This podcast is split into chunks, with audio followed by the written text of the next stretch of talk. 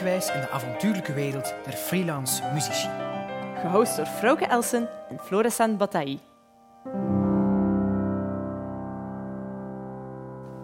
Hallo, mijn naam is Frauke Elsen. Ik ben 32 jaar en de meeste mensen kennen mij als hoboïste.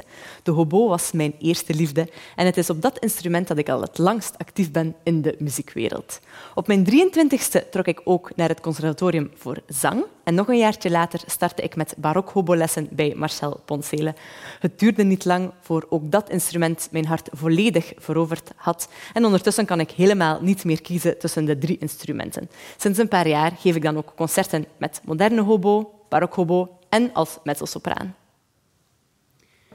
Mijn naam is Florestan Bataille. Ik ben 28 jaar en klassiek geschoolde pianist. Ik speel muziek uit zowat het hele repertoire, maar mijn grote voorliefde gaat toch uit naar kamermuziek. Ik ben een collaborative musician, dus ik profileer me niet zozeer als solist, dat gebeurt wel, maar vooral als kamermuzikant. Ik speel reeds tien jaar in pianotrio Impression ik vorm ook een duo met mijn broer, die viool speelt, en werk ook regelmatig samen met zijn strijkkwartet. Daarnaast ben ik ook een gepassioneerd liedbegeleider en vind ik het fantastisch om eh, zangers te begeleiden in het mooie liedrepertoire. Uh, Franse, Duitse liederen, allemaal heel mooie muziek die ik uh, maar wat graag instudeer. Daarnaast uh, maak ik ook eigen projecten. Ik vind het fijn om crossovers te maken waarin ook tekst en muziek wat vervlochten zijn. En schrijf ik ook ja, muziektheaterteksten, vertrekkende van de meest uiteenlopende thema's. Heel fijn om mee bezig te zijn. En tot slot ben ik ook leraar. Ik ben pianoleraar verbonden aan uh, enkele academies, dus ik werk uh, in het DKO. Mijn voorliefde gaat uit naar gezellige, kleinschalige concerten waarbij ik het publiek rechtstreeks aan kan spreken. Qua repertoire is mijn interesse enorm breed. Maar als ik dan echt moet kiezen, dan kies ik voor natte inkt en de samenwerking met hedendaagse componisten. Floris, dan wat betekent freelancen voor jou? Freelancen voor mij betekent vooral vrijheid. Vrijheid om te kiezen wat je zelf gaat doen. Ik vind het heel tof om mijn job als leraar, een vaste job, te gaan combineren met de projecten waar ik echt 100% zelf achter sta. Musiceren met mensen die ik heel fijn vind en heel inspirerend vind. Dat zijn altijd toffe ontmoetingen die mij prikkelen en enthousiasmeren. Maar ook repertoire waar ik 100% eh, goesting voor heb. Die combinatie van fijne mensen, leuke stukken, dat is voor mij echt op en top freelancen. En voor jou? Het leuke aan freelancen vind ik dat je inderdaad met heel veel verschillende ensembles in aanraking komt en op de meest uiteenlopende plekken terechtkomt. Je kunt zelf een beetje kiezen met welke ensembles je al dan niet in zee gaat en welke projecten je meewerkt. En voor mij is het ook altijd belangrijk um, om mijn eigen stempel te kunnen drukken op een project. Om zelf te kunnen meedenken over het repertoire en over het concertformat dat ik het publiek wil aanbieden. Wat vind jij challenging, moeilijk in de freelance-wereld? Wat zou je misschien willen bijleren van onze gasten? Wel, dan kan ik inpikken op wat je zo net zei. Het, je eigen stempel drukken of je eigen stem laten horen is niet altijd zo evident. We zijn met bijzonder veel uh, muzikanten. Er is een heel hoge kwaliteit, een heel groot, uh, heel groot aanbod. En hoe moet je jezelf nu gaan navigeren tussen al die talenten? Hoe kan je nu op zoek naar wat wil ik eigenlijk doen? Wat kan ik nu eigenlijk het beste? En ja, onze gasten die gaan ons daar hopelijk wat wegwijs in maken in hun eigen uh, good practice. Dat is toch de bedoeling van deze reeks, onder andere. Ja, wat ik moeilijk vind, onder andere, is dat, je, dat ik eigenlijk het gevoel heb dat ik mij altijd wel weer moet bewijzen. Wat ik um, in elke job is. Maar het speciale in de freelance-wereld is dat je toch moet voortdurend tonen aan je collega's en werkgevers welke projecten je doet, welke concerten dat je doet omdat ik anderzijds het gevoel heb dat ze misschien denken dat ik aan het vastroesten ben of dat mijn niveau achteruit gaat. Um, dus ik ben heel benieuwd of onze gasten dat ook zo ervaren. En um, iets anders wat ik graag zou willen weten van hen is... Uh, ik ben net mama geworden, een paar maanden geleden. En ik zou eigenlijk wel graag willen horen van zij die altijd onderweg zijn, hoe zij ook nog veel energie en tijd vinden voor een gezin. Klinkt heel boeiend. We hebben al een inleidend gesprek met ons tweetjes opgenomen. Daar kunt u nu naar kijken en luisteren. En dan komt u ook te weten wie onze gasten allemaal zullen zijn. Veel plezier.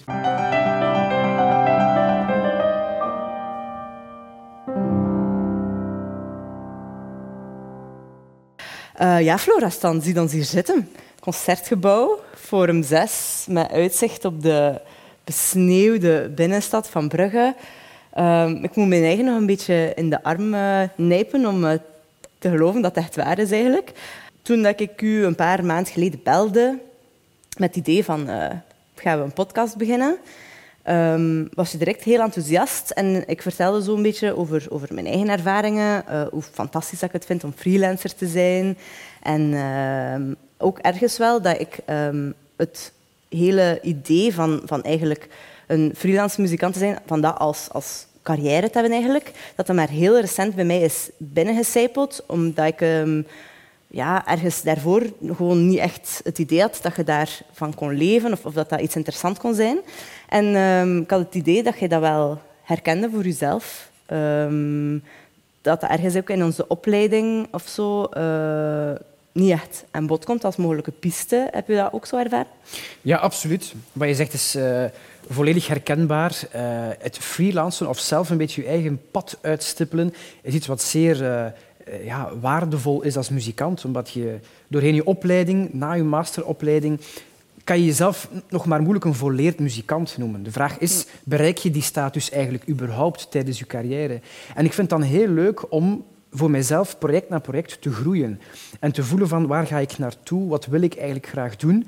En die ruimte die je hebt als freelancer om te gaan kiezen en om ook projecten zoals dit op je bord te krijgen, vind ik uh, persoonlijk fantastisch. Um, en als je nu voor jezelf een cijfer zou moeten plakken tussen 1 en 10 voor um, uw carrière op dit moment. Uh, misschien zullen we even corona, en corona weggelaten. Laten en gewoon het aantal, het, het, uh, de concerten en zo dat je normaal gezien zou had staan en zo. Mm -hmm. Wat zegt je dan? Wel, uh, Tien zou ik daar natuurlijk niet aan geven. Waarom? Uh, omdat er natuurlijk marge moet zijn voor verbetering. En ik denk, tien is waarschijnlijk iets wat ik, wat ik nooit uh, zal bereiken. Negen, dat zou dan willen zeggen dat al wat ik doe fantastisch is. Dus ik denk dat ik een gezonde acht zou geven aan wat ik doe. Dus grote onderscheiding. Ik ben zeer blij met uh, de kansen die ik tot nu toe gekregen heb. De projecten die op mij afgevlogen komen en waar ik in kan meestappen. Dus ja, geluksfactor acht.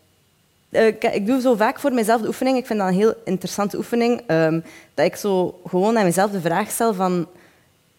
Als ik nu tussen iedereen in de hele wereld mag kiezen, met wie wil ik graag ruilen van leven? Mm -hmm. En steeds weer moet ik toch eigenlijk wel constateren dat ik um, eigenlijk met niemand wil ruilen. Dat is mooi. Dat, dat ik ook wel gewoon... Um, ja, heel vaak zie dat, dat wat dat er eigenlijk heel glamorous uitziet, of waar dat je zo soms een idee van hebt van oké, okay, dat is een droom die ik najaag of zo, dat je daar dan meestal ook wel meer en meer de, de, de tegenkant van, mm -hmm. van de medaille ziet. En eigenlijk ben ik gewoon heel tevreden mm -hmm. met mijn, de positie en, en mijn, mijn keuzes en zo. En de, ja, ik denk dat dat wel um, uh, heel, uh, heel belangrijk is, dat je op zich kunt tevreden zijn met wat je doet. Dus, mm -hmm. dat is iets als mens dat wij wel heel vaak uh, kunnen teleurgesteld zijn in waar dat we staan, maar Daarin zijn we natuurlijk ook heel vatbaar voor wat er gebeurt op social media. Ja. Dat is ook iets waar, waar kunstenaars zich uh, opstorten. Het constant profileren van jezelf op de best mogelijke omstandigheden. En een leuk concert, een toffe venue waar je mag spelen, uh, een nieuwe opname. En al dat soort dingen die verschijnen, dat, dat toont natuurlijk vooral de, de bright side of life. Maar natuurlijk, achter elk project zit zoveel uren studie, planning, onzekerheid ook heel vaak. Um, wat ik zelf als, als muzikant of, of, of kunstenaar voel, dat is precies dat ik maar twee standen heb. Ik heb de stand alright, mijn leven is fantastisch en al wat ik doe is zo leuk en ik sta echt op met volle goesting. En dan is er altijd zo die crippling self-doubt aan de andere ja. kant van, is het eigenlijk wel goed genoeg en kan ik mij hiermee onderscheiden van de rest? En, en die twee, dat is een beetje yin en yang, die houden elkaar op een bepaalde ja. manier wel mooi in balans. Want die twijfel zorgt ervoor dat ik mezelf ook steeds relativeer en blijf uitdagen en soort van altijd mijn kivief ben, van opgelet. Hè. Uh, we blijven gefocust en we, we blijven uh, hard werken. Ik vind dat echt heel herkenbaar wat je zegt. Ja. ja ik, uh, ik, herken dat zeker. En ik denk dat wij dat ook gewoon nodig hebben om inderdaad op het scherp van de snee te presteren. Mm -hmm. die, die twijfel, maar tegelijkertijd um, is het zo belangrijk van genoeg zelfvertrouwen te hebben ook. Hè? Ja, Want absoluut. Dan, dan, ik zie dat ook bij mijn, uh, bij mijn leerlingen en zo, en de mensen mm -hmm. die ik coach, dat, dat eigenlijk fantastische dingen uh, gebeuren ja. als ze gewoon genoeg zelfvertrouwen hebben. Hè? Dat is eigenlijk het belangrijkste dat ik vind in, in, het coachen van mensen, dat je gewoon dat zelfvertrouwen laat openbloeien en mm -hmm. dan uh, zie je meestal ja, het einde niet in zicht eigenlijk. Mhm, hè. Ehm, maar ik vind het heel interessant dat je begint over die social media. Mhm. Want ehm, ik vind eigenlijk... ehm, heb ik altijd het idee dat je daar wel, wel veel redelijk mee bezig bent en ook wel goed in bent, volgens Mhm. mij. Ik heb zelf daar een veel problematischere ehm, relatie mee. Ja. Ehm, is dat iets wat jij ook oprecht graag doet? Of doe je dat vooral omdat je weet van dat is belangrijk? Ik denk dat de wisselwerking is van de twee. Ehm, ik denk dat de haat-liefdeverhouding ook enorm op zijn plaats is. Eh, ja, media zoals Instagram en Facebook zijn zeer tijdrovend. En ik betrap mezelf ook soms eh, op, het, op het mindless scrollen. Ik denk dat iedereen dat wel eh, kan beamen wie op die media actief is. Maar ik vind het toch tof om iets gaande te houden. Om zo op je profiel een beetje levend te houden. Dat mensen weten van oké, hij is bezig op een bepaalde manier, heeft dit soort projecten. Anderzijds krijg ik ook heel veel inspiratie om andere mensen te zien. Als ik zie van, oh, Frauke heeft een leuke stream of heeft dit of dat, ehm, dan vind ik dat tof om, om te zien van, oké, waar, waar, eh, waar staat zij op, op dit punt in haar leven? Welke keuzes maakt zij? Welke projecten heeft zij lopende? Eh, en, en zo zijn er wel een aantal interessante mensen die ik volg. En eh, ja, het is eigenlijk wel tof om op die manier verbonden te blijven. Ja, ik merk ehm, dat ik het eigenlijk wel ergens een, een drempel vind voor mezelf om dan zo echt ehm, heel veel te gaan posten. Omdat ik ook zo'n beetje ehm van juristisch niet, maar, maar Ja. zo ja, toch ergens. eh, ik, ik, ik vind dat zo vaak hautain als ik dan zo ergens eh, zou komen en dan zo, ja, kijk, hier ben ik en zo. Ja, Maar tegelijkertijd merk ik wel dat mensen het ook gewoon super tof vinden van eh, te merken dat wij dan ook mensen van vlees en bloed zijn Tuurlijk. en wat dat wij allemaal meemaken. En inderdaad, gelijk dat je zegt, dat je vaak geïnspireerd wordt door, Mhm. door andere mensen. Dus ehm, ik neem mij elke week ongeveer voor dat ik actiever ga worden op social media, Ja. maar elke week mislukt het. Je moet vooral iets doen, wa- wa- wa- je moet iets doen waar je echt achter staat, natuurlijk. Ja. We weten nu al dat je best wel tevreden bent over eh, je carrière op dit moment, of toch wel dat je mee bezig bent. Ehm, als je dat nu vergelijkt met je ehm, droom dat je had als 18-jarige, toen je juist begon in het conservatorium, ehm, komt dat overeen?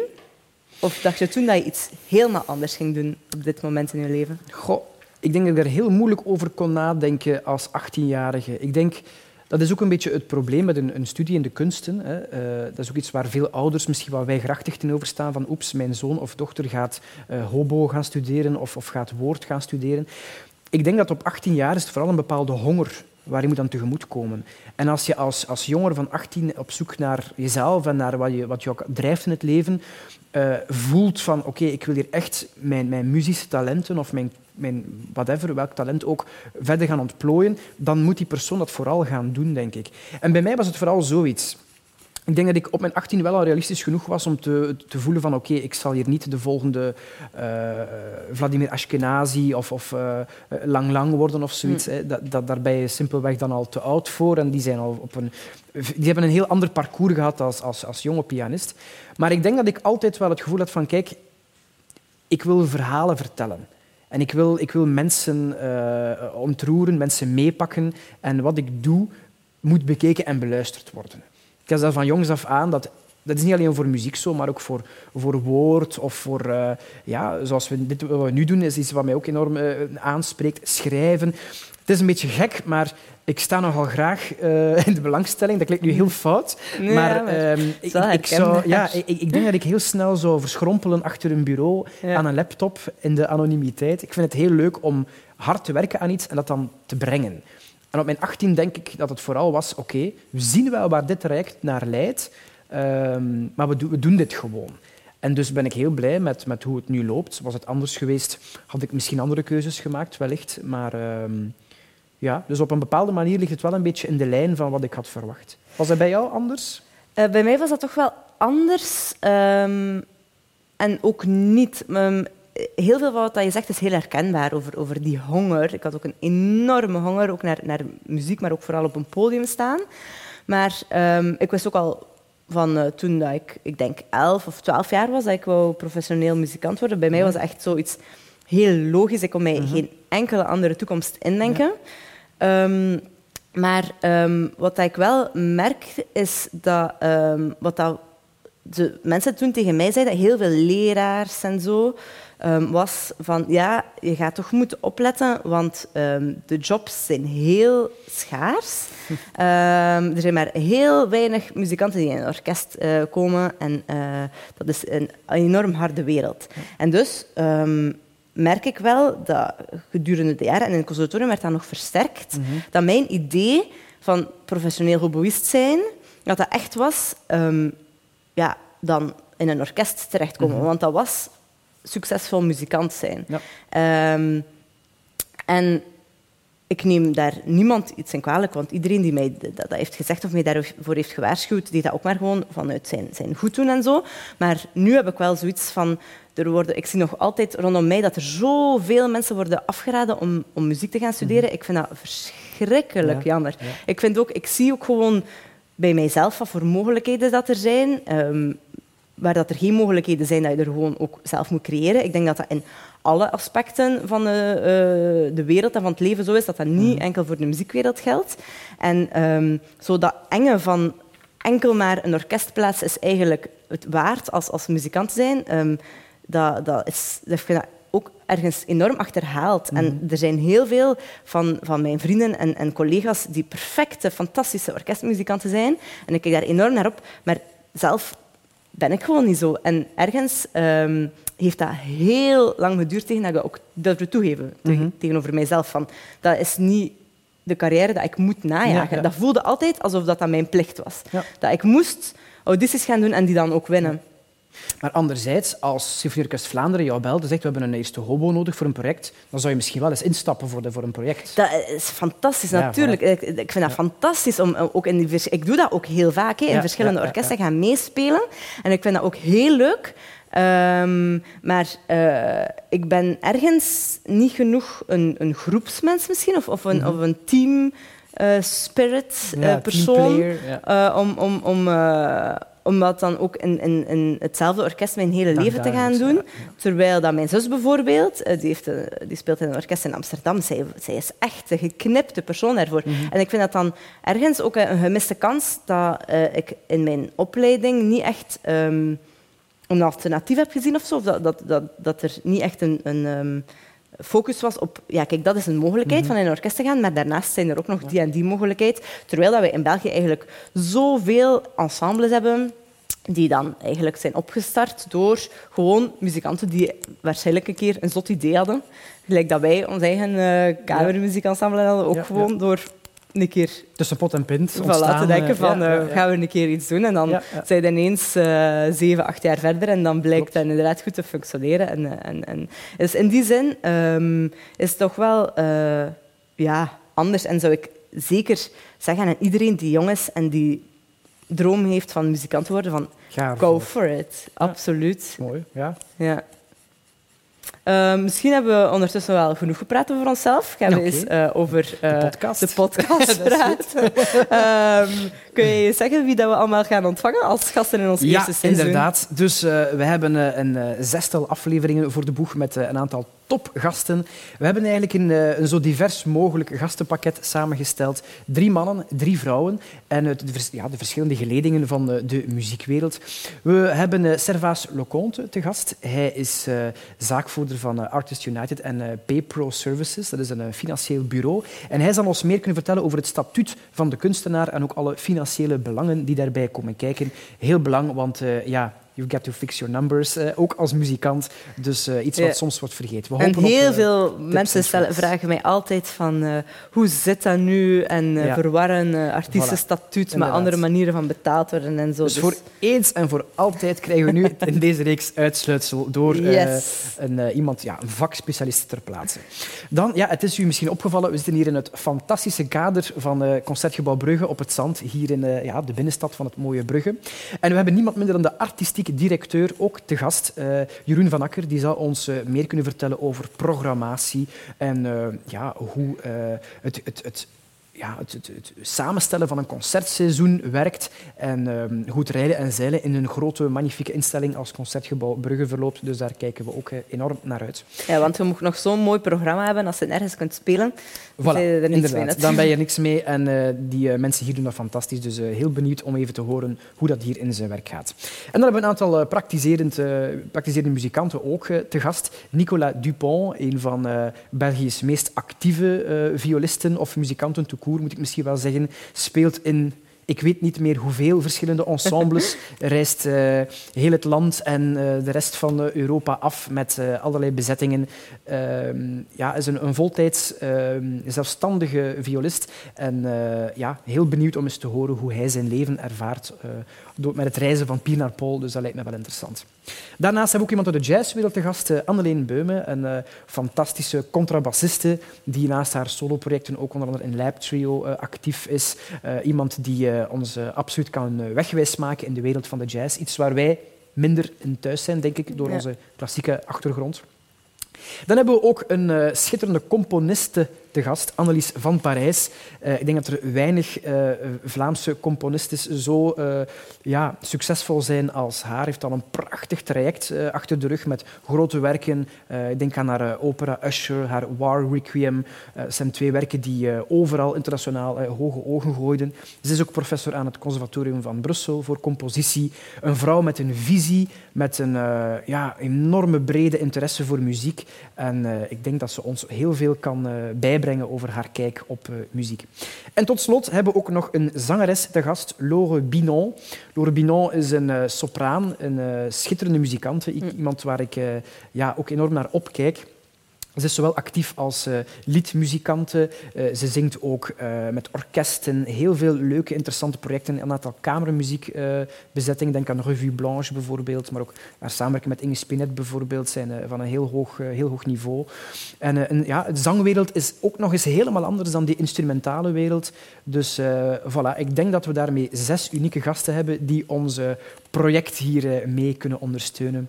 Dus geen enkele reden om niet te kijken en te luisteren, zou ik zeggen. um, een van de um, leukste vragen, denk ik, dat uh, ik er naar uitkijk om te stellen, is um, wat ze allemaal al voor zotte dingen hebben meegemaakt uh, uh-huh. op het podium of, of zo tijdens concerten. Ik denk dat we allemaal wel zo van die uh, leuke anekdotes kunnen vertellen voor wat ja. we allemaal hebben meegemaakt. ik weet niet of jij aan iets denkt. Ja, ik heb eigenlijk wel twee. Ik heb ooit eens een, eh, een podcastreeks in Concertgebouw Brugge gehost en dan ben ik op de verkeerde trein gestapt naar Brussel. ja, dat was dan deze ochtend. Maar uh, uh, een, ja, een andere anekdote die ik af en toe vertel, met het pianotrio waar ik in speel, pianotrio Impression, um, waren wij gastartiest voor de wereldtentoonstelling in Milaan, een paar jaar terug. We mochten toen mee als ja, artiest afgevaardigd door de provincie Oost-Vlaanderen, want toen lag nog heel veel cultuurbevoegdheid bij Oost-Vlaanderen.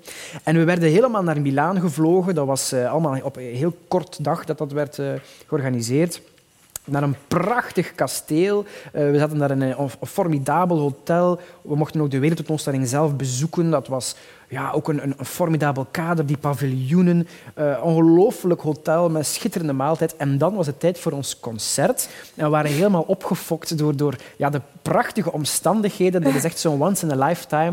En dan kom je toe in de zaal waar je moet spelen. En dan hadden ze daar een witte digitale vleugelpiano gezet.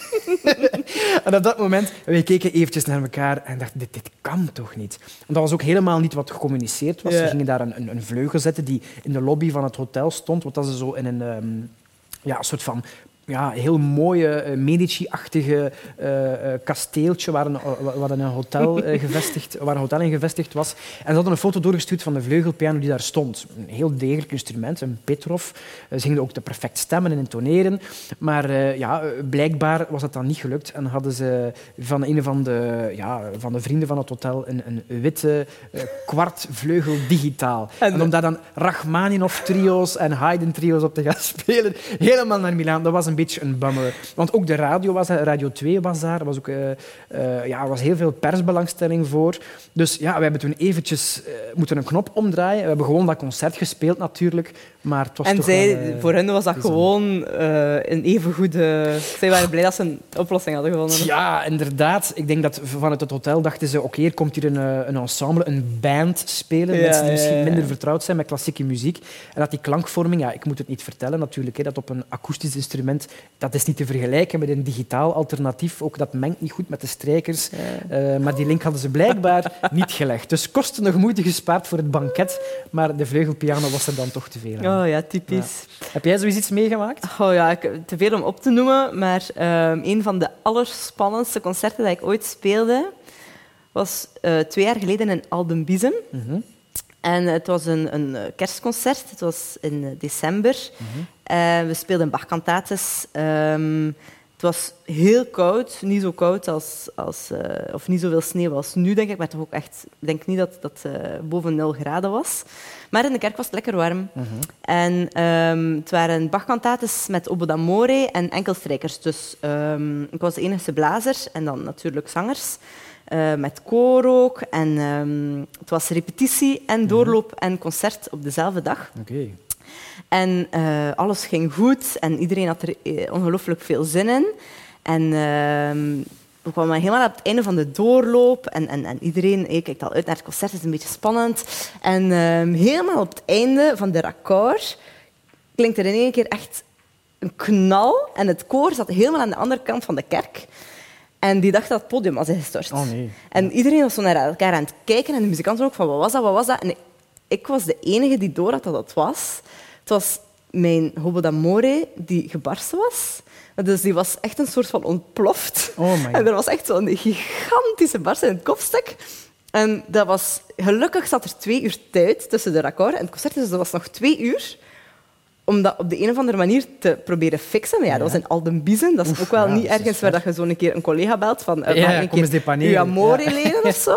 Um, ik had dat instrument toen, um, denk ik, net geen jaar of zo. Dus dat was ook niet dat dat super nieuw was. Maar ja, toch wel blijkbaar nog niet helemaal ingespeeld om in die klimatologische omstandigheden dat aan te kunnen. Mm -hmm. uh, en er kwam dus, ik moet dat niet vertellen, er kwam dus geen noot meer uit. Hè. Dat was echt er kwam zelfs geen gepiep uit, er kwam gewoon niks uit. Uh, dus ja, wat, wat, doe ik dan? Ik doe dan wat ik um, altijd doe als ik op uh, een uh, paniek situatie heb. Ik bel mijn mentor Marcel Pontselen, die gelukkig bereikbaar was. En dus ik leg hem het probleem uit. Op de een of andere manier was ik super kalm. Ja. Dus ik wist van, oké, okay, zonder mij gaat er hier geen concert zijn, want ja, we konden die concerts ah, ja, niet uitvoeren niet. zonder Amore. Dat was één, de ene salon na de andere. Maar ik ben niet super hard gepanikeerd. Ik denk dat ik op dat moment ook gewoon al genoeg dingen had meegemaakt om te zeggen van, we gaan ja. dat hier wel fixen of zo. En wat bleek nu? Er zat in dat koor zat er een meubelmaker. Iemand die echt heel goed was met houtbewerking en zo. En dus, um, ik bel naar Marcel en Marcel zegt, ja, je moet daar uh, iets van, um, van lijm in doen. Vloeibare lijm. Maakt niet uit wat. Uh, zo vloeibaar mogelijk lijm doet dat erin. En ondertussen kwamen er van het koor... Um, uh, mensen, ja, kijk, er is een meubelmaker die kwam kijken naar mijn instrumenten -hmm. en zo. Um, en ik zeg, weet je wat, hier, ik steek die telefoon met Marcel Ponselen aan de lijn ja. en die mensen zijn handen. En ik zeg, uh, hoorde, hoor, hoorde hij met Marcel wat dat er nodig is? En los het op. Um, het was zes uur s'avonds en oh, nu bleek dat, het, uh, dat er daar een brico was, niet super ver van.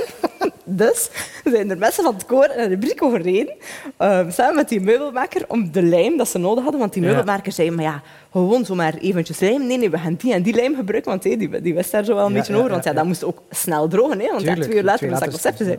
En dus, um, ik zal een, een fotootje posten op, uh, op Instagram. We hebben nog geen Instagram-account, maar dus we gaan er één creëren. Bij deze is okay. beloofd um, van, van hoe dat mijn barokko er dan uitzag. We hebben die gelijmd, allee, of die, die meubelmaker heeft die gelijmd. We hebben daar allemaal plastic rond gedaan, want ik had plastic bij om, om mijn rieten te, te uh, luchtdicht te maken. Dus we hebben dan mijn hobo met die lijm en die plastic luchtdicht gemaakt.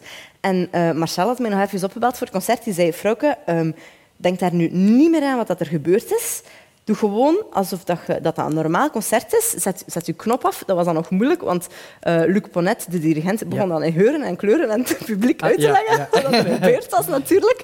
Dus dat was echt een enorm spannend concert voor mij. Maar dat, dat instrument speelde, dat was bijna alsof dat beter speelde dan daarvoor. Omdat die spanning daaruit was. en zo. Dus ik heb dat concert kunnen doen gewoon... Maar de hobo was dan naar de vaantjes nadien, want die was gelijmd. Ja, ja, ja die hobo, die, die, dat, dat kopstuk heb ik nu als souvenir. Dat staat, en Marcel heeft mij gewoon een, een nieuw kopstuk gegeven. En zo, uh, ja, dat is wel echt... Kan verkeren, uh, ja. Voilà. Dus um, we hopen van, ook van die uh, spannende Zeker, anekdotes te horen denk ik. Ja. van onze gasten. En um, ja, dan de, wordt onze podcast. Hè. Voilà. Ik kijk er enorm naar uit. Ik kijk er ook enorm naar uit. U kunt deze podcast, uh, al die afleveringen kunt u beluisteren via ja, gewoon puur podcast, dus audio, maar alles zal ook te bekijken vallen. Dus voor de kijklustigen, uh, dan kunt u ook eh, de studio hier uh, bekijken, uh, hier in Forum 6 in Concertgebouw. En dan kunnen alle gasten, kunt u ze bijna recht in de ogen kijken. Dus het wordt een heel fijne ervaring, denk ik. Ik zou zeggen, stay tuned. De eerste aflevering wordt released op 11 maart. En de komende weken droppen we dan telkens de volgende afleveringen. Heel veel plezier en voilà, we kijken er vooral naar uit.